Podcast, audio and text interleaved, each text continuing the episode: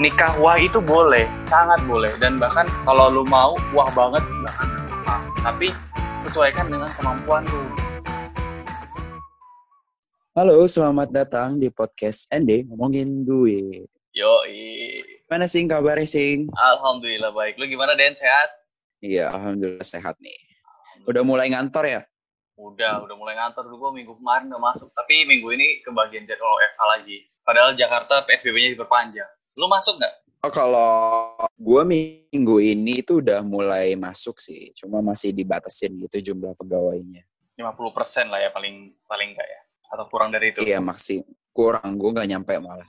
Kayak cuma 10 persen gitu. Hmm. Iya. By the way, ini kita cuma berdua ya, Dan, ya, malam ini ya? Oh iya, kita take podcast uh, hari ini kita cuma berdua nih. Sayang banget Fajri nggak bisa. Iya. Biasa mahasiswa. Mahasiswa plus pegawai, mahasiswa jarak jauh lagi kan? Harus kuliah Iya, online aku terus-menerus. kuliah online. Di sela-sela pekerjaannya. Hmm. Di, ep- di ngomongin apa? episode sebelumnya kan kita mungkin nggak nggak akan beda jauh kali ya. Pengen coba ngelanjutin apa yang kita obrolin minggu lalu nih di episode sebelumnya. Iya. Kita kan uh, sebelumnya kita udah bahas nih dampak keuangan pribadi uh, selama masa pandemi ini. Hmm. Ada satu hal yang sebenarnya belum kita sebut sih. Apa tuh? Selama iya selama masa karantina ini lo ngerasa nggak kita tuh kurang eh bukan kurang uh, tidak mendapat undangan pernikahan dari Nah, teman bener banget. tidak Gue terakhir dapat undangan ya nggak sih bulan jadi ada Februari kayaknya gue kondangan terakhir. Iya Februari bener pertengahan Nah. Februari gue terakhir kondangan. ya kan gue tuh malah sempet dapet itu bulan Maret apa eh, apa undangan nikah tuh dia tuh Tapi itu- salah nikahnya bulan April Jadi tapi itu ini nggak jadi resepsinya nggak jadi cuma nikahnya jadi, jadi. jadi. alhamdulillah syukurnya tetap jadi nikah ya. Eh, Tapi kan kasihan banget teman-temannya kayak gitu ya. Ya. Iya, eh, iyalah pasti karena kan kalau bahas pernikahan itu apa rencana jangka panjang pasti dari jauh-jauh hari tuh udah direncanain kan Iya. sebelumnya. Jadi Bener kayak banget. pasti inilah eh, sedihnya. gue gue mikir nikah kayaknya dari kuliah gue udah mikir nikah nggak tahu tapi calonnya siapa istriku ngelirik-lirik coba ya ada sih yang bilang gue persiapan sebulan dua bulan tapi kan pasti se sebulan dua bulannya itu kita sudah memikirkan jauh sebelum satu bulan dua bulan persiapan pernikahan persiapan pestanya istilahnya gitulah persiapan mentalnya pasti Iya, jauh benar. sebelum itu gitu Iya iya benar. Kalau masalah apa pestanya sih ya sekarang udah zaman modern lah ya banyak Iya. IO yang bisa kita IO. tunjuk. Atau kalau misalnya kita punya banyak temen, teman-teman juga biasanya bisa, Bisa di bantu, support. apa manfaatkan gitu, bisa bantu. Iya. manfaatkan temennya bener Sih. banget sih Ya nggak sih?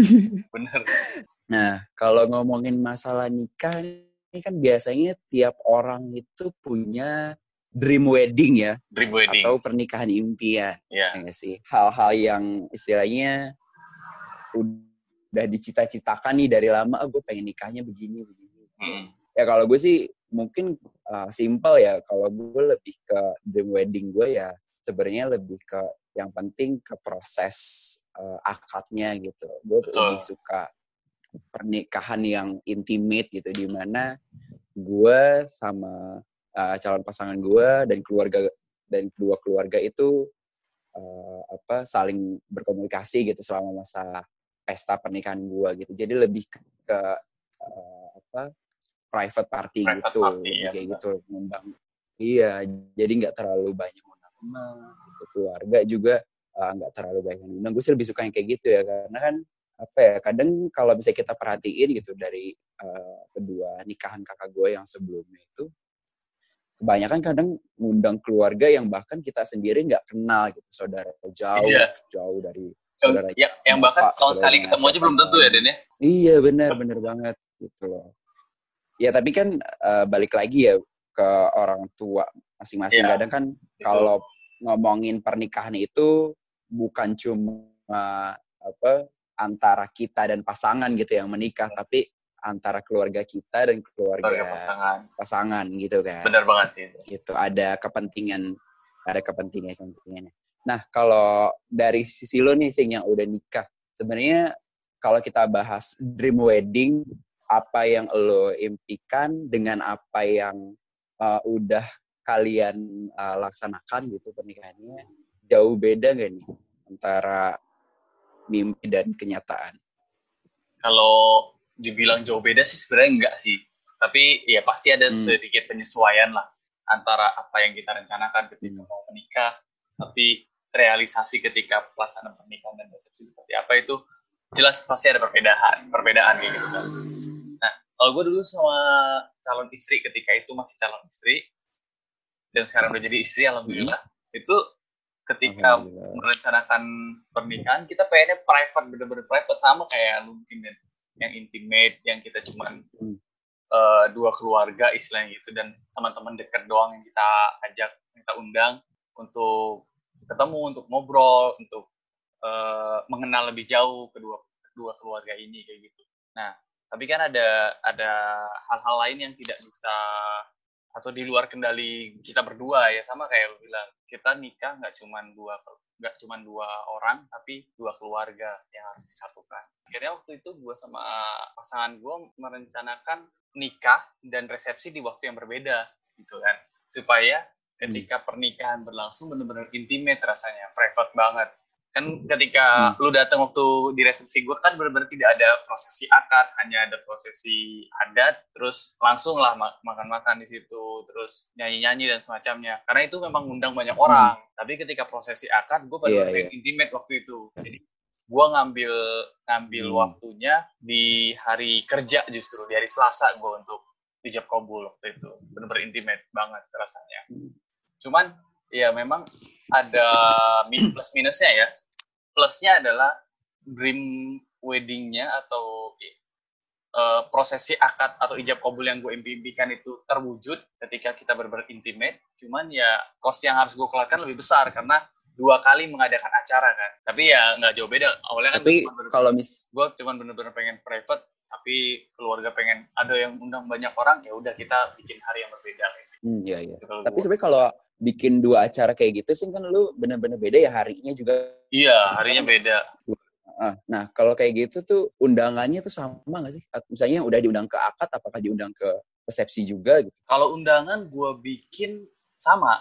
Gue bikin sama, gue tulis akad sama sama resepsi di undangan dengan waktu yang uh, dengan waktu yang ini ya istilahnya waktu yang memang sudah sesuai dengan kayak misalnya gue tulis di undangan ya gue akad hari Selasa tapi hmm. untuk resepsi gue tulis hari Minggu. Cuman yang gue bedakan adalah cara hmm. pembagian undangannya. Nah, di cara pembagian undangannya. Contohnya, yeah. ketika gue pengen banget hmm. orang ini datang di akad gue, karena gue ngerasa intimate banget hmm. dia, gue ngasih undangannya hmm. atau gue nginfoin kalau gue akad di tanggal segitu, itu satu bulan sampai satu setengah bulan sebelum gue akad. Oh. Jadi dia udah udah planning tuh. Oh, jadi ada obrolan dulu ya? Iya, jadi setidaknya ketika dia memang kerja, dia bisa mempersiapkan cutinya, atau ketika dia jauh, dia bisa mempersiapkan tiketnya, ada obrolan gitulah ke, ke teman-teman yang intimate banget itu. Nah, tapi hmm. kalau misalnya yang gua gua harapkan datang di resepsi gua aja, maksudnya di acara party dan happy-nya di hari weekendnya, itu gue bisa ngabarin dua minggu atau seminggu sebelumnya nggak masalah gitu kan. Karena weekend mungkin siapa saja bisa datang gitu kan. Lebih available waktunya dibanding hari kerja kan. Pun ketika gue kasih undangan akad untuk mereka di Hamin dua minggu biasanya kan ya kok akadnya hari kerja sih? Gitu kan. Cuman tanggapannya cuma seperti itu kan. Ya padahal gue sudah hmm. planning sudah planningin kalau akad ya tidak terlalu banyak orang gitu jadi walaupun mereka dari hmm. kecewa ya gue cuman jawabnya ketika mereka bilang ya kok akadnya hari kerja gue bilang datang aja di resepsinya karena memang gue sebenarnya mereka datang di resepsi gue sorry gue pengen dulu hmm. nah kalau dua acara gitu tadi lu udah nyebut nih budgetnya yeah. itu lumayan ya lumayan banget ya karena lumayan. dua acara karena lu tadi bilang satu lu ngirim undangan ke satu satu undangan nih terus ya uh, nyebutin akad waktu akad dan resepsi juga di satu undangan ya, itu, itu gimana sih caranya sih, untuk menghemat juga kan jadi satu aja. Uh, nah iya, sebenarnya yang mau gue tanyain itu kalau misalnya lo bikin satu undang gitu, gimana caranya lo bikin apa kan pasti setiap uh, di akad juga lo harus nyiapin catering kan? Iya. Yeah. Dan itu harus uh, gimana es estimasiin si jumlah catering itu ke jumlah undangan lo gitu. Padahal kan lo pasti mikirnya uh, udah tahu nih uh, ancar-ancarnya ya. itu yang datang di akad itu berapa, terus yang datang di resepsi berapa. Nah itu gimana gitu? Kan lu ngirimin cuma satu undangan nih untuk ya. dua acara itu. Nah kalau ya kayak tadi gua cerita di awal dan ketika undangan. Jadi gua targetin kan kalau pas di akad gua paling banyak teman gua yang datang yang gua perhitungkan itu nggak lebih dari 20 orang teman gua sendiri. Sisanya berber keluarga. Sisanya berber keluarga. Nah dari hitungan keluarga kan ketahuan tuh misalnya oh om ini akan datang di hari ini karena dia bisa cuti Pak D ini datang di hari ini karena bisa cuti atau oh Pak D ini ternyata nggak bisa datang nanti paling datang di hari Minggu karena bisa itu kan hitungan keluarga bisa kehitung tuh karena keluarga pasti udah tahu dari yeah. awal kan nah yeah. untuk teman-teman yang dua yang yeah. gua agendain 20 itu gua confirm ke mereka gua tuh pengen angkat tanggal segini lu bakal datang atau enggak gitu kan gue confirm ya pasti mereka ngabarin dia insya Allah datang atau soalnya sih gue datangnya hari minggu aja itu dapat confirm confirmnya tuh. Nah dari konfirmasi mereka itu hmm. gue hitung berapa kira-kira jumlahnya tapi tetap makanannya gue lebihkan kayak gitu. Nah, karena takutnya kan uh, ada hal-hal yang tidak istilahnya yang mereka mungkin datang sama pasangan lah atau semacamnya itu yang gue juga gitu Ya, berarti uh, hitungan kasar lo itu benar-benar cuma keluarga sama teman dekat uh, yang pengen teman dekat yang emang lu iya yang lu iya. harapkan datang saat akad gitu. Iya, gue bikin iya. gitu. Okay, Jadi okay. pas akad bener-bener dikit sih konsumnya yang gue siapin. Waktu itu berapa? 100 sih, 100 hmm, isi, isi, Gue sambil nanya ke adik istri gue nih. Iya, kayaknya cuma 100 orang deh kayaknya yang gue, gue siapin. Hmm. 100, iya 100 porsi kalau nggak salah. Jadi bener-bener intimate, porsi, banget, ya? bener intimate banget hmm. waktu akad itu. Nah pas resepsi memang kita ngundangnya berapa? Kalau ngundang kalau nggak salah sekitar 600-an. Kita nyiapin makanan waktu itu 1000 porsi. Karena kan pasti ada yang sama pasangan, entah ada yang datang, ada yang enggak juga. Ya, cuman kita memang melebihkan banyak banget untuk makanannya. Hmm. Dan Lalu itu pakai IO nggak sih, Sing? Enggak, gue nggak pakai IO. Jadi bener-bener dari awal oh. sampai akhir gue nge-planning bareng calon istri waktu itu. Berarti ada teman nggak? Ada teman yang bantu nggak? Nggak, cuma berdua, real, bener-bener berdua. Ya yang ngebantu waktu itu luar biasa. Calon mertua. Keluarga ya paling. Calon iya, mertua hmm. lah, mertua. Terus ya hmm. orang tua juga ngasih masukan-masukan. Bener-bener berdua banget dan hmm. jadi kita bener-bener ngeluangin waktu banyak buat mikirin. Tapi kalau kalau gua kan gua kan pengennya simple ya mikirnya pengennya simple. Hmm. Jadi gue serahin semuanya hmm. ke calon istri waktu itu, yang sekarang udah jadi istri gue. Jadi bener Tapi emang rata-rata cowok gitu gak sih kayaknya? Ya, tapi ada hal-hal yang gue pakem. Apa contohnya ya? Kayak, uh, uh, oh gue minta dia pakai sarung tangan tuh salaman karena uh. kan supaya supaya uh. ketika ada yang salaman lawan jenis pun kalau nggak enak nolak ya tetap bisa salaman tapi kan pakai sarung tangan kayak gitu-gitu itu ada yang gue pakem yeah. kayak gitu sih. Yeah. Nah tapi kalau sarung tangannya polos kan jelek. Nah gue bener-bener bantuin cari gimana sarung tangan yang yang punya pernik manik-manik gitu gitulah supaya kelihatan bagus weddingnya karena kan biasanya hmm, ad, memang ada ada yang nyiapin kan dari gaun dan semacamnya dari orang ininya ya orang hmm. apa sih? Ya orang yang nyiapin itu lah apa sih namanya? Vendor dari vendornya dari vendor gaun dan semacamnya. Uh. tapi kadang kita nggak cocok sama warnanya. Kok terlalu polos ya kok terlalu gitu. Tapi atau kadang bahkan nggak ada. Nggak ada jadi nyiapin sarung tangan dan semacamnya hmm. akhirnya gue bantu. Iya iya. Jadi kalau kita ngomongin masalah biaya pernikahan dari apa yang udah lu alamin sih menurut lo apa aja sih uh, pos-pos pernikahan yang harus diperhatiin dan yang uh, kalau misalnya kita urutin budgetnya dari paling tinggi ke rendah tuh apa aja? Paling tinggi tuh konsumsi catering itu tinggi, itu gede tapi terga itu tergantung dari ini sih sebenarnya. Jadi pos-pos ini ini bisa tiap orang beda-beda persentasenya ataupun besarannya. Nah kan tergantung kemampuan sama keinginan dream wedding yang diharapkan kayak gimana. Nah kalau gue sendiri yang gue rasain memang catering paling besar. Catering besar terus selain itu dekor dekor itu sudah satu paket mm-hmm. sama apa sih panggungnya tendanya terus bunga-bunganya karena kan gue gua kan waktu itu nggak pakai gedung ya Den ya. Gue kan di hmm. taman ya kalau yang lu lihat. Gue gue di taman taman istilahnya taman taman terbuka yang gue sulap menjadi ya istilah istilahnya gue sulap jadi inilah tempat gue resepsi di situ kayak gitu. Jadi hmm. bener-bener di taman itu kan masih ada ayunannya masih ada kursi-kursinya gitu gue gue sulap gue sulap. Tapi hmm. itu bener-bener uh, jadi biaya terbesar setelah catering karena gue bener-bener harus nyiapin tenda. Waktu itu pengennya terbuka jadi bener-bener apa sih garden hmm. party gitu kan. Cuman risiko hujan itu ada risiko panasan itu ada itu jadi jadi pas diskusi dis, iya di, di ketika diskusi sama calon istri sama calon mertua itu itu. Jadi kita memang mengaruhkan kan oh kita udah dapet nih taman nih. Kita coba pengen garden party dan gue malah pengennya nggak usah ada panggung gue yang nyamperin orang-orang ketika lagi makan gitu kan kan enak kayaknya ya. Uh, tapi opsinya adalah yang Ah. pertama kasihan istri nanti ribet pasti jalannya keliling-keliling iya betul. terus yang kedua kasihan orang yang datang pengen foto sama gue ketika gue lagi asik ngobrol pasti nggak enak ganggunya kan terus yang ketiga belum tentu cuaca dari pagi sampai eh, siang atau sampai sore itu bagus kayak gitu takutnya ada kejadian yang Ah. tidak diinginkan kayak. Ya udah akhirnya kita bilang pakai tenda deh nggak pakai tenda biayanya be- besar di situ termasuk besar juga Tapi lu itu siang kan acaranya sih. siang siang Acara lu siang dan di Bekasi kan? enggak di Pamulang Apa di Jakarta Tangerang. ya?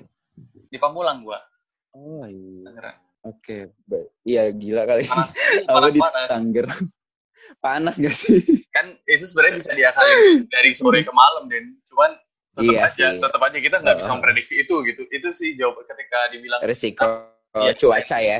Iya, dan gue ketika ngobrol sama adik gue juga kan, ketika siapa nih kan adik gue yang cowok kadang bantu beberapa kan- kali kan buat antar-antar barang dan semacamnya. Mm-mm. Ketika gue bilang pengen deh garden party, adik gue cuma bilang yakin gak hujan sorenya. Dia bilang gitu doang. Terus langsung gue, ya udah deh nggak jadi gitu. Karena hampir semua orang bilang kayak gitu ke gue. Jadi gue khawatir sendiri. Eh, Beda, beda iya hal, sih. beda Benar, halnya benar, benar. Beda halnya ketika gua pakai garden party yang dia punyanya restoran atau hotel. Jadi kayaknya kalau punya restoran atau hotel kan ketika garden partinya cancel karena hujan, mereka opsi mungkin digeser ke aulanya lah, ke ballroomnya gitu kan. Kalau Eh, gua kan ada bener- cadangan ya. ada cadangan plan. Kalau gua kan bener-bener lapangan, misalnya lapangan eh, taman warga lah istilahnya. Taman apa ya? Iya, iya, taman warga yang ada ayunan, ada prosotan dan semacamnya gitu gitu. Dan itu pengen gue sulap jadi garden party, tapi ya nggak bisa karena takut hujan tadi kayak gitu. Hmm. Nah, eh, berarti kalau misalnya kita ngomongin si konsumsi ini, biaya konsumsi, biaya catering, Mm. lo berarti harus udah punya ini ya, apa ancer-ancer berapa orang yang lo undang ya, Iya, sebelum benar, kita benar. sebelum ke, ke- ngitung biaya catering. Nah, setelah catering apa sih? Yang kedua sih, biaya tadi, yang terbesar sih. Dekor catering tadi, dan dekor. dekor. Eh, Ya, terus itu. habis itu apa? Habis catering dan dekor apa ya? Yang baju, Soft baju. Oh, baju. iya. Souvenir itu Baju sama termasuk make up ya berarti. Iya, souvenir itu termasuk yang kecil justru Den. Kalau kalau dibanding yang lain ya menurut gua. Iya. Karena souvenir itu kita bisa nemuin souvenir-souvenir bagus di harga 1000 sampai 3000 itu udah bagus. Tapi kalau mau worth it lagi ya 5 ribuan lah per piecesnya. Jadi yang 1000 3000 itu udah udah layak banget souvenirnya sebenarnya. Kalau kalau misalnya lu datang di SMK itu banyak banget jualan souvenir buat pernikahan dan itu harganya murah-murah banget dan lu bisa nego ketika lu makin banyak beli kayak gitu dan ya, kalau jadi souvenir itu Hmm. termasuk yang nggak terlalu memberatkan sih menurut gua nah yang yang ketiga tadi baju baju sama make up itu memang cukup cukup banyak yang dikeluarkan untuk baju dan make up terutama make up kalau misalnya lu mau yang bagus banget gitu kan apalagi kan biasanya biasanya wanita ingin spesial di hari spesial itu kan. Jadi ingin Heeh.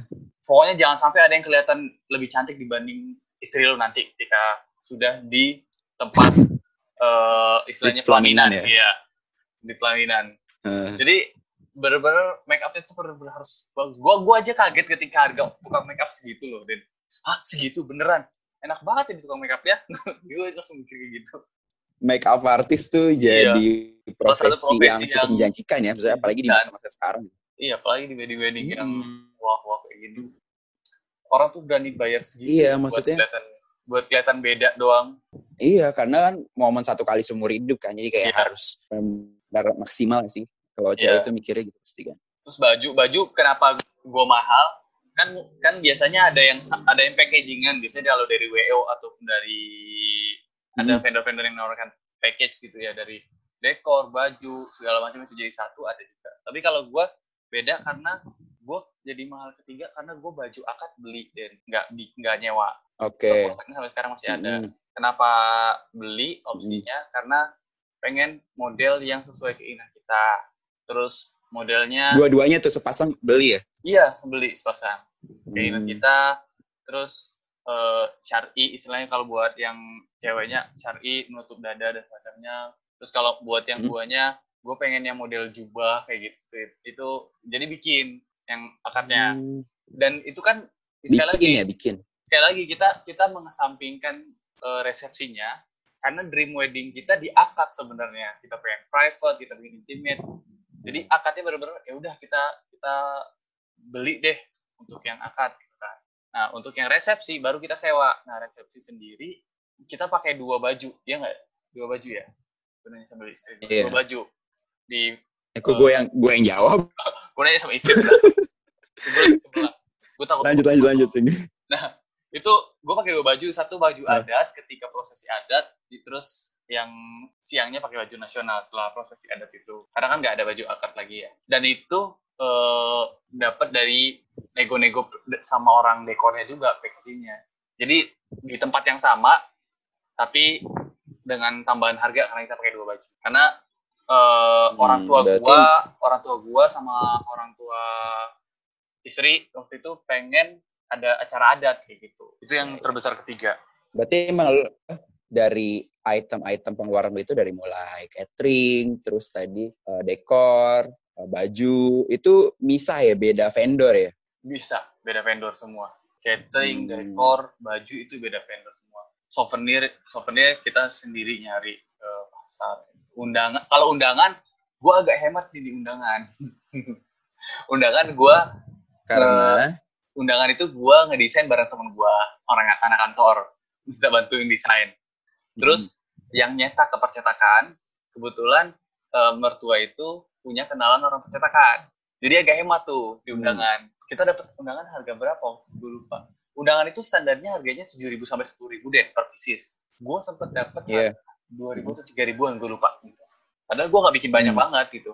Ya cuman karena pertama kita nggak ngedesain di percetakannya kita ngedesain sendiri terus yang nyetak juga mertua punya kenalan jadi agak lebih hemat kayak gitu sebenarnya kalau nggak tahu sih ya kalau zaman sekarang itu kan gue sering nerima undangan yang digital sih digital betul banget jadi gue Ah. nyetak undangan tuh gak banyak juga deh sebenarnya jadi makanya undangan undangan sama seperti gue tuh dikit Ah. karena gue gue nggak nyetak undangan banyak waktu itu jadi ketika gue nulis undangan Hmm. gue nargetin undangan 600 gue cuman Mm-mm. nyebar fisik itu sekitar 300 sampai 400 kalau nggak salah. Sisanya semua ya WA WA WA. dan yang 4 300 sampai 400 yang fisik itu adalah orang yang dekat sebenarnya.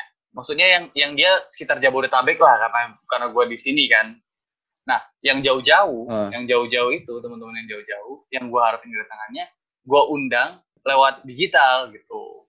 Lewat WA lewat eh, yang ada ngasih link-link kayak gitu. Gue lewat kayak gitu naruhnya pertama kita lebih hemat cetak fisiknya berkurang yang kedua kita nggak ada ongkir gitu tapi memang sekali lagi ini pola komunikasi kita dengan teman kita yang jauh ya Den ya karena kadang ada yang mikir kalau Hmm. gua kasih undangan digital kok kayak nggak ada effortnya ya nih calon pengantin kan ada mungkin temen yang berpikir Iya. gitu ya iya itu itu Nah, gue pilih-pilih Heeh. tuh. Jadi gue gue pas ngabarin teman-teman yang jauh yang benar-benar gue undang dan gue pengen datang, gue pengen mereka datang, itu memang agak agak jauh hari sih. Jadi gue samakan Hmm. dengan teman-teman yang eh, pengen gue datang di yang gue pengen di, mereka datang di akad. Jadi gue share ke mereka WA atau linknya itu satu bulan sebelumnya. Terus gue bilang pas gue eh datang ya pernik eh, resepsi gue satu bulan lagi nih gue bilang gitu kan datangnya di resepsi aja gue Hmm. ngarahinnya ke mereka ke resepsi karena nggak dia kan datangnya ke resepsi Hmm, aja. langsung ya datangnya gue bilang gini supaya agak halus menolaknya datangnya ke resepsi aja karena kan eh, akadnya nah weekend ya, kan? hari hari kerja takutnya ngerepotin gue bilang gitu. Ah. takutnya ngerepotin Iya, iya, hari iya, kerja, iya. datangnya ke resepsi aja gue bilang gitu. Nah terus gue buat bilang lagi nggak sorry ya kalau gue undang via digital gini. Kalau misalnya keberatan mau mau gue undang fisik mau gue undang secara undangan fisik nggak? Gue bilang gitu kan. Nanti kalau mau boleh dong dikirim alamatnya gitu dan ternyata sebagian besar malah nggak ngirim alamat. Jadi oke sih gue datang. Langsung insya Allah ya datang ya gitu. Oke oke langsung cari tiket. Langsung Hmm. kayak gitu rata-rata. Jadi kan pola komunikasi dengan alhamdulillah ya. undang iya pola komunikasi kita aja.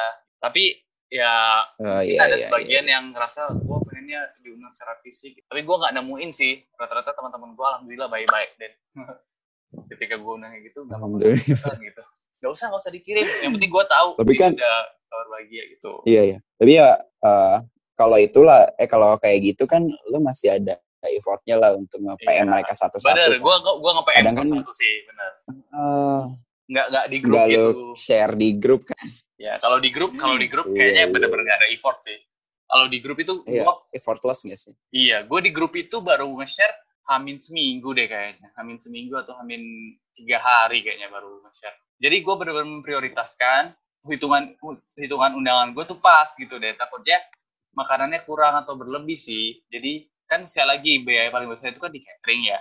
Di catering. Ketika Hmm. gue nargetin ngundang 600 dengan prediksi yang datang itu sekitar 1000 orang 1000 porsi berarti kan gue bener-bener harus ngitung 600 yang gue undang ini siapa aja gitu kan jangan sampai lebih.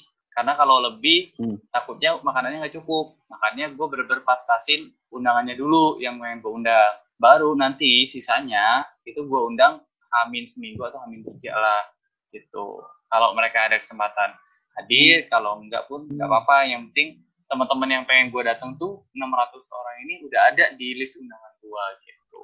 Iya ya paham paham paham.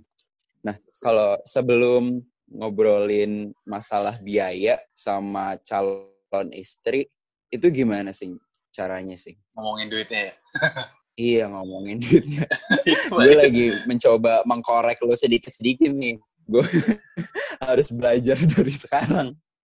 Sebenarnya dari awal lo menghitbah dia gitu, calon istri lo saat itu, terus sampai ke ngomongin masalah biaya pernikahan, itu duluan mana gitu? Atau lo dari gimana lah, pokoknya gue agak susah juga ya nanyanya, tapi lo ngerti lah ya maksud gue ya. ya ya kalau kalau gue gini sih kalau gue kan karena gue bilang gue mempersiapkan pernikahan gue jauh sebelum gue menikah pas gue kuliah Hmm. lah istilahnya gue udah pengen kalau bisa gue 2019 nikah itu tuh gue camkan ketika 2016 awal tuh 2019 nikah berarti tiga tahun sebelumnya kan gue udah camkan itu Berarti berarti pas kuliah ya, pas, pas masih kuliah, kuliah, ya. bener-bener pas masih kuliah itu itu masih tingkat Eh, tiga. sih.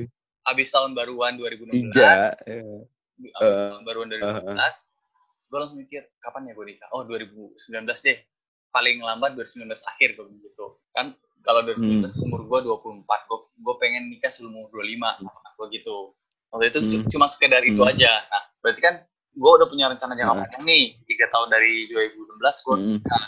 Gue harus mulai nabung sejak itu dong harusnya kayak gitu nah tapi Mm. masalah ngomongin duit sama pasangan karena kan gue prosesnya ta'aruf ya Din ya bukan yang orang pacaran lama orang pacaran lama terus Mm. bisa tahu Iya, iya benar-benar. orang lain dekat dan semacamnya sampai akhirnya punya tabungan bersama terus seperti itu gue waktu itu sama calon istri proses dari memutuskan untuk kenal dekat artinya proses ta'arufnya itu sampai gue lamaran aja kurang lebih cuma dua bulan artinya Oke. jadi gue kenal kenal secara ketemu itu bulan Oktober pertengahan Ok- Oktober pertengahan terus gue akhir Desember udah ngelamar istilahnya nah lamaran itu kan ada biaya yang dikeluarkan juga kan dari segi cincin dan semacamnya Oh iya, gitu benar, ya kan. benar. Kita- Betul kan cincin dan semacamnya itu kan berarti Iya, iya. dari dua bulan gue baru kenal nih gue harus udah ngomongin itu kan Hmm. nah proses ngomongin itu tuh memang sebagian orang pasti mikir nggak akan mudah sih.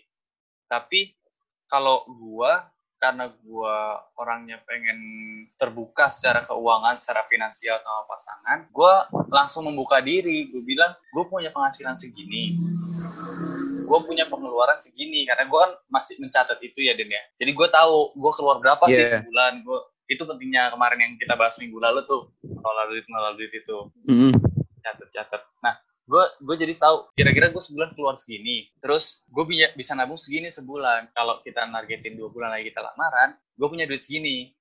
Nah kalau punya duit segini kira-kira mau kayak gimana konsep lamarannya? Nah itu diobrolin tuh. Jadi gue Sing, Sing. iya. Motong nih. Mm. Tapi kan itu kan lu jangka waktunya pendek tuh ya dua bulan. Iya. saat lu misalnya ngo- eh saat lu ngomongin jumlah pendapatan lu sekian pengeluaran lu sekian uang yang bisa ditabung sekian sampai dua bulan ke depan. Itu kan lu cuma jarak jangka waktunya dua bulan tuh tapi pasti lu Iya. udah punya tabungan kan sebelumnya kan Iya, iya, iya dari 2016 tadi Dan gue bilang karena gue punya jangka panjang nih, Ah. 2016 gue udah pengen nikah dari, dari 2016 gue udah rencana nikah di 2019 maka ketika Hmm. 2018 Oktober gue baru kenal nih satu wanita yang memutuskan oke gue mantap untuk menikahinya gitu kan gue Desember un- oh, 2019 dua- 2018 Desember gue mau melamar dia maka tabungan gue dari 2016 sampai 2018 Oktober itu udah ada sebenarnya cuman Hmm. waktu itu tabungan itu belum gue ceritakan ke dia Oh gitu. gue waktu itu nggak menceritakan ini itu terga- tergantung Oke. tergantung pasangan masing-masing ya tapi gue gue cuman bilang gue punya penghasilan segini gue nabung segini lamaran mau kayak gimana dulu nah waktu itu gue udah udah menyiapin Hmm. Gue nyiapin cincin sebelum jadi gue nggak tahu ukuran pasangan gue sebenarnya. Gue nyiapin cincin aja dari waktu itu.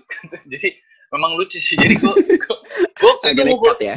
nekat ngukur, ngukur, cin- ngukur cincinnya itu ngukur cincinnya itu gue cuman kira-kira gitu loh. Sampai sekarang Padahal lu belum kenal dong ya. belum. Sampai sekarang cincinnya aja kegedean dan cincin lamaran itu kegedean Oh. sampai sekarang. Gue ngukurnya pakai kelingking Nggak, gue kira pas ya. gue gue kira gue kira gue kira ini gue kira kelingking gue tuh Kelingking lu udah kecil sama, ya. iya sama dengan mungkin jari jari manisnya dia gitu. Ternyata enggak kelingking gue masih lebih gede dari jari manisnya dia tapi gue waktu itu dengan tabungan gue ketika gue udah mantep oke gue beli cincin. Gue beli cincin tapi yang gue ceritakan untuk persiapan eh, persiapan di lamarannya nih persoalan hantaran serah-serahan kayak gitu loh. Itu kan ada juga tuh di lamaran. Ya tergantung Iya. dua keluarga kesepakatan gimana sih kan? Ada yang pada saat lamaran itu bawa sepatu bawa tas gitu-gitu kan. Ada yang pengen itu Iya permintaan istri lah ya. ya itu ketika menikah aja. Dan kebetulan gue ketemu pasangan yang nggak minta macam-macam alhamdulillah jadi Alhamdulillah. nggak usah Pengertian. repot iya nggak usah Ya. repot-repot nggak usah nggak usah banyak bawa apa-apa gitu jadi gue nyeritain tabungan eh gue nyeritain penghasilan gue terus kita mau lamaran gimana dia bilang nggak usah nanti aku yang nyiapin gitu doang jadi ya alhamdulillah gue kayak gitu kan Ah. tapi kan ketika gue cerita sama keluarga gue orang tua gue bilang ya tetap lah kita harus nyiapin walaupun nggak diminta. Ya gue cuman nyiapin seserahan yang menurut gue sewajarnya lah istilahnya versi gue se- berdasarkan kemampuan gue gue nyiapin A, B, C, D yang setidaknya ketika gue datang ke sana untuk melamar nggak bawa tangan kosong gitu loh Den walaupun walaupun Iya, waktu iya, itu iya. calon istri waktu itu belum minta apa pun gitu. Nggak minta apa pun. Jadi tetap gue datang ke sana. Nah Iya iya. Setelah lamaran baru kita intens tuh ngomongin duit detail bahkan sampai ngomongin duit setelah nikah kita kita gimana cara ngelola duitnya itu gue omongin tuh bareng Nah itu yang paling penting gak sih? iya itu paling penting Iya gak sih? iya Life ini after kita marriage itu life paling after marriage paling penting tapi kan sekarang kita ngomongin ngomongin duit persiapan Iya. pernikahan dulu ya nah Iya. ketika ketika ketika pada saat lamaran itu itu gua ngobrol berdua sama orang tuanya sama bapaknya lebih tepatnya selaku walinya Hmm. Jadi Hmm. setelah prosesi lamaran, lamaran gue diterima, terus gue diajak ngobrol sama bapaknya, kita ngobrol berdua, ya gimana nanti soal acaranya mau seperti apa, itu diceritakan. Ya gue ceritain konsep yang gue pengen, intim- intimate, terus kayak gitu, eh, private dan semacamnya itu gue ceritain. Terus orang tuanya bilang pengen ada adat Jawa gitu, itu cerita ber ber- berdua sama bapaknya. Terus gue bilang gue punya tabungan, saya punya tabungan segini pak, pengennya segini, itu gimana? Terus orang tuanya juga ya ada masukan-masukan maunya kayak gini kayak gini. Ya itu diskusi antara gue dengan bapaknya. Bahkan dia pun Hmm. nggak nggak tahu waktu itu diskusi gue dengan orang tuanya apa gitu kan. Oke udah selesai udah gue bawa pulang hasil diskusi itu tanpa pasangan gue tahu waktu itu. Nah udah dia kan gue gue dapet gambaran nih oh orang tua dia pengennya gambaran konsep pernikahan yang diimpikan seperti ini. Ya kan konsep gue seperti ini mampu nggak ya budget gue ke sana gue mikir gitu. Terus udah gitu eh gue cerita lah sama sama pasangan gue akhirnya kan baru cerita. Gue bilang gue punya duit segini. Waktu itu ngobrol sama bapak pengennya kayak gini. Terus eh, aku pengennya kayak gini. Gue bilang gitu ke pasangan gue nah dia punya masukan masukan masukan masukan masukan kayak gitu. Jadi benar-benar gue tuh dari awal menerapkan pola komunikasi yang terbuka aja gitu daripada dipaksakan gitu kan daripada gue bilang gue mampu kok gue cukup kok atau gue nggak ngasih tahu kalau gue punyanya cuma segitu harapan istri gue lebih tinggi kan lebih berat nantinya ya Den ya Iya. jadi kalau misal lu bilang e, gue punya budget 100 juta misal lu bilang kayak gitu ke calon pasangan ke pasangan lu nantinya Iya. Den. atau lu nggak bilang lu cuma megang duit 100 juta bisa jadi kita ketemu pasangan yang pola pikirnya dia ngebayangin nikah sama lu itu ngabisin budget 200 sampai 300 juta. Mungkin ada yang seperti itu. Atau kalau yeah. lu beruntung mungkin bisa dapetin pasangan yang mikirnya justru pengennya di bawah 100 juta kayak gitu kan. Kita nggak tahu. Tapi kalau misalnya lu hmm. terbuka dari awal lu bilang aku punya uang 100 juta untuk kita menikah. Itu kira-kira mau seperti apa gitu kan mungkin yang dua yang tadi yang si A tadi yang berharap dengan 200 juta 300 juta bisa mereduce keinginannya. Oke deh kita kurangin di sini kita kurangin di sini itu bisa kayak gitu. Kalau memang dia uh, ingin berjuang bersama lu gitu kan. Tapi atau misalnya si B yeah. tadi yang ngarep ngarepnya di bawah 100 juta misalnya di, di 100 juta terus ketika lu bilang punya budget 100 juta bisa jadi oh kalau kayak gitu kita bisa melakukan A B C nih di pernikahan kita kayak gitu kan. Atau bahkan si B ini bisa bilang nggak usah lah tetap di bawah 100 juta aja nanti sisanya kita kita siapkan untuk life after marriage gitu atau bulan madu kita gitu gitu kan bisa gitu. Jadi gue benar-benar bilang e, eh, gue cuma punya duit segini nih gue bilang gitu kan ke pasangan gue duit segini tapi gue akan nabung juga untuk nambahin ini tapi nabung juga untuk life after marriage gitu kan. Tinggal kita pilih apakah ini hmm. mau digedein tapi kita pas nikah benar-benar pas istilahnya uh, uangnya pas lah bukan bukan kekurangan ya gue bilang tapi pas atau kita nikah dengan budget yang gue tentuin tadi tapi kita pas udah menikah kita bisa berkecukupan mau jalan-jalan ke mana kita ada rezekinya mau ngasih mas mau melakukan apa pun ada gitu loh betul gitu itu gue komunikasikan langsung sama pasangan gue hmm. sebelum sebelum menikah tapi setelah lamaran okay. Iya. Gitu. Oke, mungkin pertanyaan berikutnya agak lebih private nih, Sing ya. Waduh. Apa nih? Gini, Sing. Uh, berarti biaya uh, pernikahan lo dari mulai lamaran, terus pat, resepsi, itu full biaya lu aja atau barang pasangan? Barang pasangan, berdua. Tapi tidak melibatkan orang tua. Gue udah bilang pasangan juga sih. Hmm jangan sampai merepotkan orang tua. Jadi jangan minta uang dari orang tua, jangan minta peser pun lah. Misalnya kalau hmm. kurang ya kita yang mikirin. Kalau misalnya uh, mau kita ada kesan A di pernikahan kita, ya kita yang harus pikirin, jangan memberatkan orang tua. Jadi benar-benar kita bungkus berdua sih acara itu. Iya benar-benar ada kepuasan sendiri kalau uang sendiri ya. Iya. Nah tadi kan lu cerita nih kalau misalnya lu nabung itu nabung buat persiapan nikah sebenarnya udah dari 2016 bahkan itu sebelum lo dapat pekerjaan formal lah ya istilahnya. Yeah. Lu itu gimana sih cara nabungnya dari 2016 tuh dari uh, lo belum benar-benar punya income tetap sampai akhirnya lo kerja, lo punya pendapatan tetap.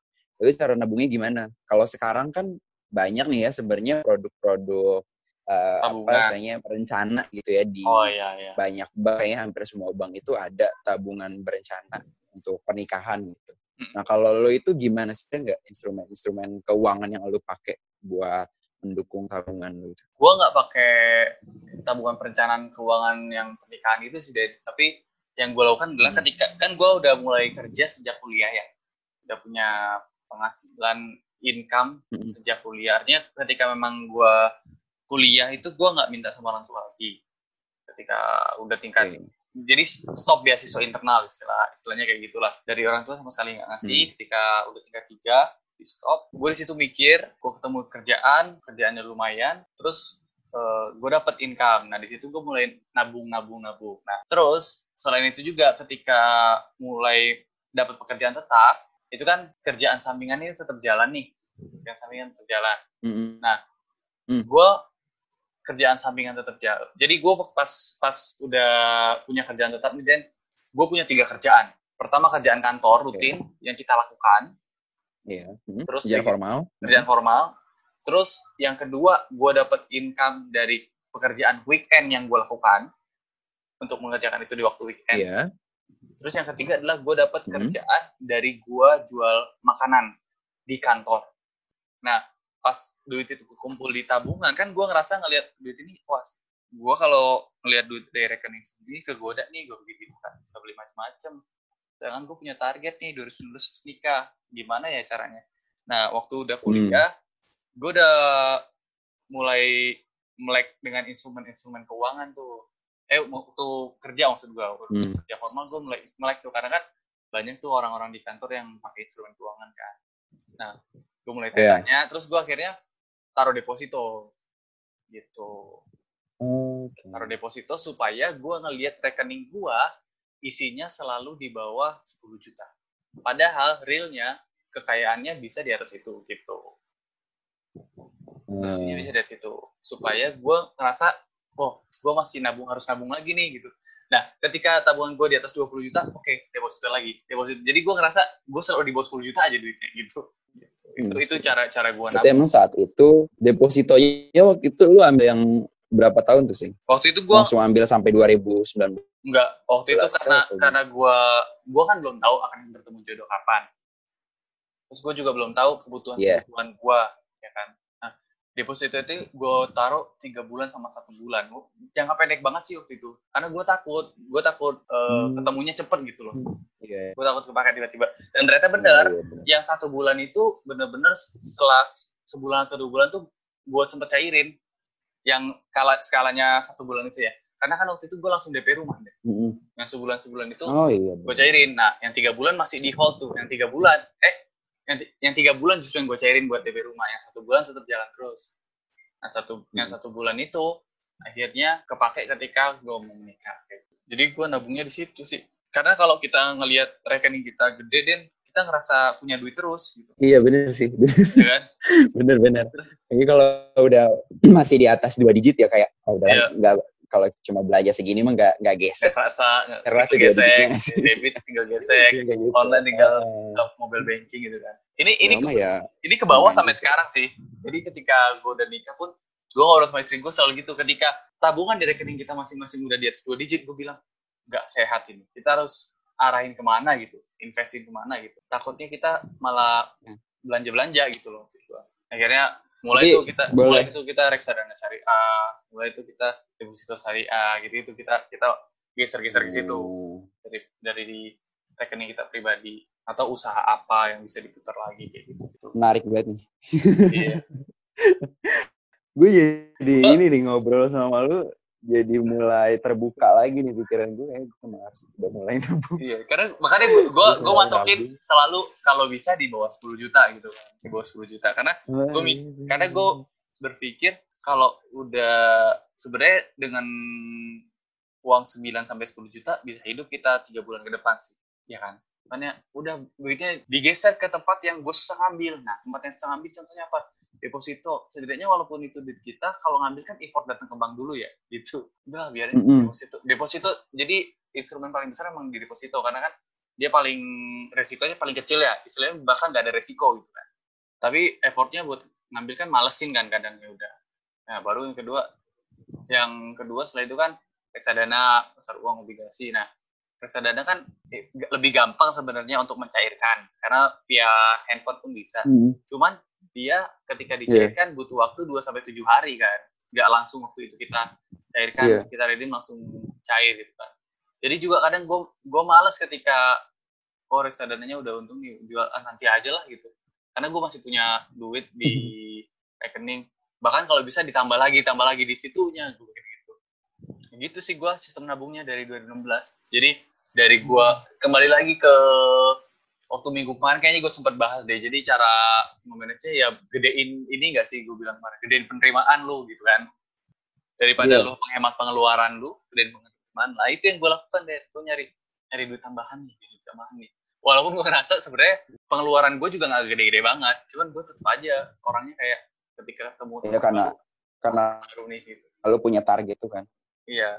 Setelah inilah gue udah harus mulai memikirkan Tapi- tapi- itu gue tapi lu udah- udah- nabungnya. Tapi bagus sih dan maksudnya eh, ketika usia-usia gitu kan lu juga beli rumah juga kan. Maksudnya tetap jadi aset Eh, walaupun walaupun tetap kita menyicil itu setiap bulan kan jadi asetnya gitu. hmm. Dan artinya dari sekian uang yang lu keluarkan juga nggak terlalu sia-sia karena itu jadi rumah gitu kan. Kecuali memang ada belanja-belanjaan yang lu nggak bisa tahan gitu tuh. Tapi selama lu Hmm. happy untuk melakukan itu ya no iya. problem sih menurut gua. tapi gue percaya sebenarnya banyak orang yang bilang gitu kalau misalnya kita udah apa merencanakan pernikahan aja itu biasanya ada aja rezekinya. Tapi ya being realistis sih ya. Iya, betul. Karena gini, Den. Ya, uh, memang iya. ada aja rezekinya ya, ada aja rezekinya. Tapi jangan sampai rezeki itu dari hal yang justru memberatkan kita di kemudian hari. Kenapa gue bilang kayak gini? Karena oh, iya. gue baru gue baru gue baru tahu gue baru tahu uh, ternyata banyak juga di antara kita yang menikah dengan hutang kayak gitu. Itu yang jadi berat di kemudian hari. Jadi memang rezekinya ada tapi dari bank kayak gitu gitu loh. Jadi ya yeah, yeah. berat nantinya gitu. Jadi benar direncanakan dari sekarang. Nikah wah itu boleh, sangat boleh. Dan bahkan kalau lu mau wah banget bahkan nggak apa-apa. Tapi sesuaikan dengan kemampuan lu gitu. Iya benar sih. Lu, gitu.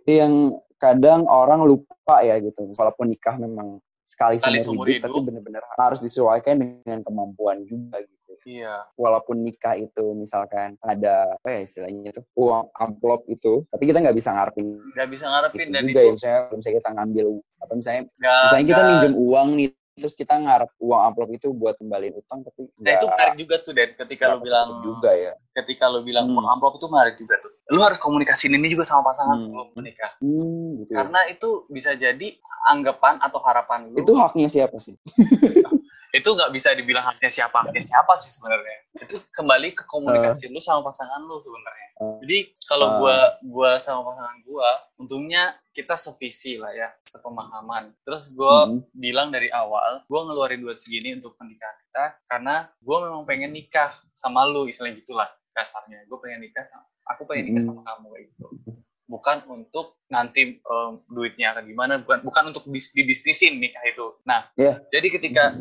ketika ketika gue bilang ke calon ke pasangan gue waktu itu gue bilang aku keluar duit segini dan aku nggak ngarapin apa pun yang kembali ke, ke aku gitu kan dan pasangan gue yeah. iya kan gue langsung bilang kayak gini ke dia ketika dia bilang oh ya udah masalah kayak itu dia bilang gitu kan gue bilang langsung ya udah apa pun yang kita terima dari pernikahan kita ini kalau dia gue sepakatnya gini kalau dia kalau orang itu ngasihnya ke kita langsung di pelaminan itu hak kita. Gue bilang gitu. Tapi kalau itu buat kita buat hidup kita. Tapi kalau misalnya dia naruhnya di kotak atau ngasih ke orang tua itu biarkan ke orang tua. Jadi kotakan amplop dan semacamnya itu sama sekali gue nggak sentuh. Gue nggak tahu uh, isinya apa berapa gitu. Walaupun ketika sudah selesai orang tua ngasih tahu isinya segini kalian mau ambil berapa? Karena gue sama pasangan udah sepakat kita ngambil itu sedikit pun ya kita serahkan ke orang tua kayak gitu. Cuman orang tua kan karena mereka nyata mereka ngasih tahu hmm. teman-teman kalian yang di sini ngasihnya sekian rata-rata penting jangan lupa ketika mereka hmm. nikah kasih sekian juga gitu ya istilahnya gitu tapi gue sama yeah, pasangan yeah. sepakat gitu tapi kan ada juga pasangan yang menyepakati oh karena ini biaya kita berdua nanti ketika sudah selesai acara ini ini untuk hidup kita berdua setelah menikah kayak gitu kan itu hak, hak itu balik balik lagi ke lagi ke masing-masing ke masing-masing kayak gimana hmm. ada juga yang hmm. karena karena bareng tuh orang orang tua juga dan semacamnya bagi-bagi istilah gitu kan atau ada juga yang mm-hmm. walaupun uangnya uang bareng-bareng eh, walaupun uangnya uang anaknya doang pasangan ini tapi ketika sudah menikah terus dapat amplop mereka memisahkan amplop temanku ya buat kami amplop teman orang tua ya buat orang tua bisa kayak gitu itu tergantung orang masing-masing beda-beda setiap pasangan uh. cuman ya kalau gue kayak gitu tadi sama pasangan gue gue tidak mau menyentuh itu karena gue nggak mau membisnisin acara resepsi gue gitu jadi benar-benar ketika yeah, kita yeah. ketika kita menik eh, ketika kita sudah menikah sudah saja jadi suami istri sudah punya kehidupan baru kita benar-benar dari nol dan untungnya waktu itu gue bilang ke pasangan gue adalah untungnya waktu itu kamu mengiyakan untuk tidak melimpahkan semua ke acara resepsi kita. Kenapa? Karena gue punya tabungan untuk kita hidup ke depannya. Gitu. Gue punya tabungan lain. Gitu. Hmm. Kebayangan kalau misalnya gue numpain ke resepsi semua, terus gue bilang semuanya buat orang tua, nol dong gue, gitu kan. Mulai dari mana iya. dong? Gak honeymoon, gak jalan-jalan, istilah gitu. hmm. gitu. Jadi itu kembali ke eh. pola komunikasi. Eh. Amplop itu soal sensitif dan lu harus ngomongin yeah. itu pasangan sebenarnya. Iya, itu berarti kita harus obrolin juga pas uh, ngomongin biaya nikah lah ya. Betul. Ini nanti ke mana Terus. harus disepakatin jauh sebelum hmm. acara.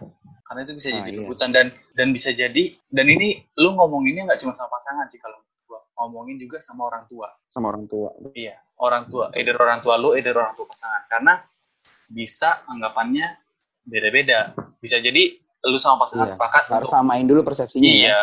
bisa jadi lu sama sama pasangan lu sepakat untuk kalian berdua gitu kan uangnya untuk kalian berdua ada nggak orang tua yang tersinggung kalau kayak gitu gitu atau kalian sepakat kalau misalnya uang itu dibagi ke orang tua misalnya ke orang tua lu sekian ke orang tuanya pasangan sekian ada nggak yang tersinggung atau atau bahkan ketika Iya. dibagi rata pun dibagi rata ada nggak yang tersinggung? Ngerasa aku nggak perlu dikasih duit kok. Yang penting kamu bahagia. Ada nggak orang tua yang mikir kan? Ada orang tua mikir gitu kan? Nggak perlu deh duit dari Hmm. kalian. Yang penting kalian bahagia udah cukup bagi bapak ibu. Kadang-kadang mikir kayak gitu. Jadi benar dikomunikasiin tidak hanya sama pasangan masalah ini tapi sama orang tua masing-masing gitu. dan gua Hmm. udah dan gue sepah sepemahaman tentunya sama orang tua gue gue bilang ketika ada acara di rumah sana di rumah pas, pas istilah tempat istri gue itu ya biarkan haknya di sana kalau gitu tapi ketika kita ngadain acara di sini kan gue ngadain syukuran juga ya di tempat orang tua di Cikarang Mm-mm.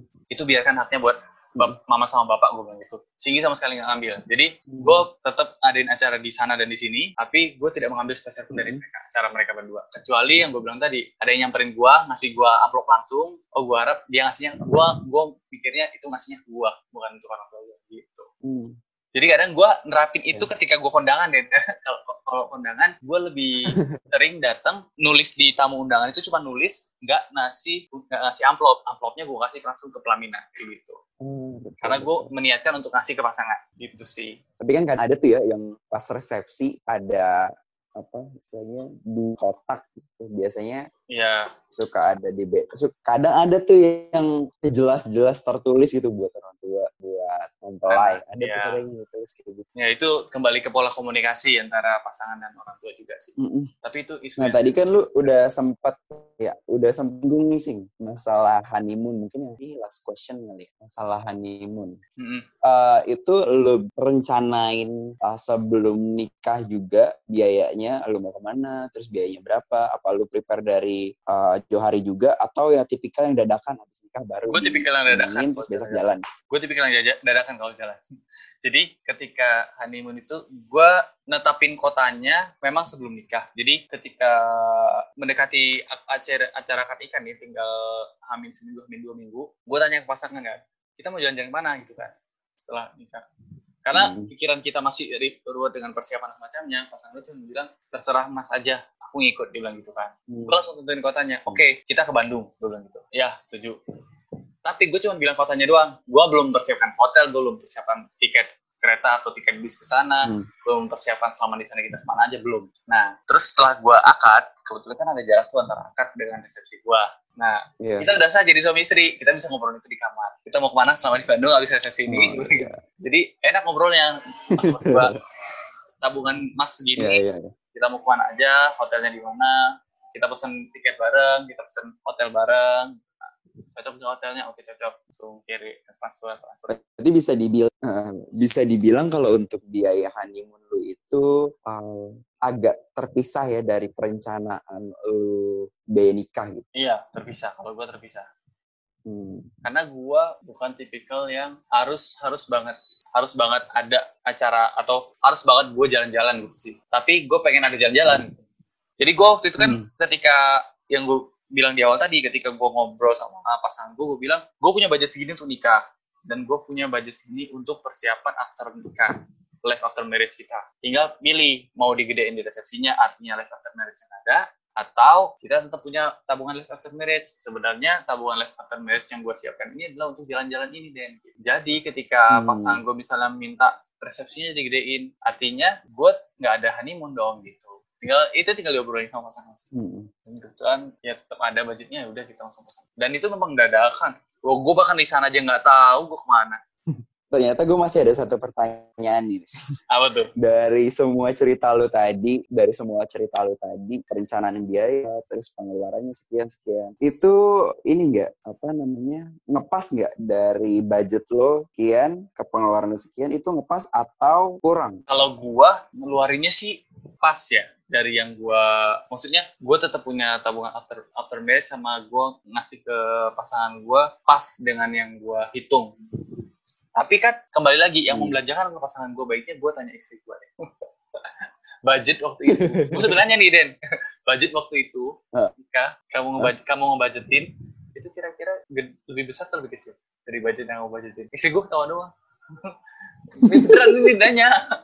Apa? Kata istri gue banyak biaya tidak terduga sih kalau dari dia karena dia yang belanjakan Nah, itu biaya tidak terduga. nah itu yang ini yang gue nggak tahu sebenarnya tapi gede nggak Oh, nanya. biaya tidak terduga. Iya, biaya berapa Nggak, persen? kata dia nggak nggak gede sih kalau kalau dia bilang nggak gede jadi kayak ada yang bisa digeser-geser gitu Tapi ya ada lah ya. ada tapi kita ada yang bisa digeser-geser gitu sih dari dari biaya-biaya Hmm. eh, biaya-biaya kita ya itu biaya-biaya tidak terduga contohnya adalah yang paling gue inget adalah lu nge- ngebooking sesuatu terus nggak jadi Oh iya benar. Jadi sangkos ya. Iya, sangkos. Jadi sempet tuh kita ngebooking baju di sini, oh nggak jadi booking makeup di sini, oh nggak jadi gitu gitu loh. Itu yang harus. Karena kan gini, eh, ketika kita mau nge ketika lu sama pasangan lu udah memilih tempat makeup A misalnya, terus udah cocok dengan hasil riasan-riasan yang ada gitu. Kita harus buru-buru booking dia karena takutnya di tanggal segitu dia ke booking orang lain gitu kan, ketika pernikahan gitu. Nah, akhirnya ke booking lah dia. Ternyata seiring perjalanan waktu ketika lu cari-cari lagi, ada yang lebih murah sebenarnya atau dengan kualitas yang sama, dengan kualitas yang sama gitu kan, dengan kualitas yang sama. Tapi ada eh, akhirnya lu memutuskan untuk yang kedua ini yang lu ambil kayak gitu kan. Ya itu jadi sangkos kan sebenarnya enggak. Karena tujuannya kenapa lu tidak mempertahankan yang di tempat atas misalnya make up-nya harganya katakanlah 2 juta misalnya gitu. Make up 2 juta. Mm-mm. Terus ternyata di tempat yang kedua lu dapat make up harganya satu juta. Lu di tempat yang pertama udah nge- booking 200, udah nge-DP 200 misalnya gitu. Mm-mm. Nah, akhirnya lu sama pasangan memutuskan untuk geser yang satu juta karena kan jadi 1,2 tuh sebenarnya. Mm-mm. Mm-mm. 800-nya bisa digeser ke biaya yang lain. Kayak gitu-gitu sih kemarin sih yang gue sama Iya. istri budgetin. Jadi ada biaya-biaya tidak terduga Iya. tapi nggak Iya. meleset jauh kok. Ya sih kayak eh, pertanyaan gue tuh udah kerangkum semua nih sama udah kejawab Wah gila semua. sih kita ngobrol banyak panjang banget sih. Padahal cuma berdua loh. Seru banget. Karena ini gue jatuhnya konsultasi kali ya. Iya. Harusnya ngobrol-ngobrol ya. Seneng banget gue. Padahal temanya ngobrolin duit soal pernikahan tapi Iya. itu yang jawab Duit soal konsultasi. pernikahan. Iya, jatuhnya kayak konsultasi, konsultasi nih. Karena kan gue ya pasti suatu saat akan merencanakan hal yang sama gitu ya. Mm-mm. Oke sih, mungkin segitu dulu kali ya dari kita. Kita, Semoga iya. uh, episode kali ini bisa menambah ilmu buat temen yang lagi uh, merencanakan pernikahan, ya termasuk gue juga. Kalau gue sih udah ngerasa cukup banyak yang gue dapat nih dari obrolan kita Semoga amin amin. malam ini ya. Ya, terima kasih semuanya yang udah mau dengerin. Sampai jumpa di episode berikutnya.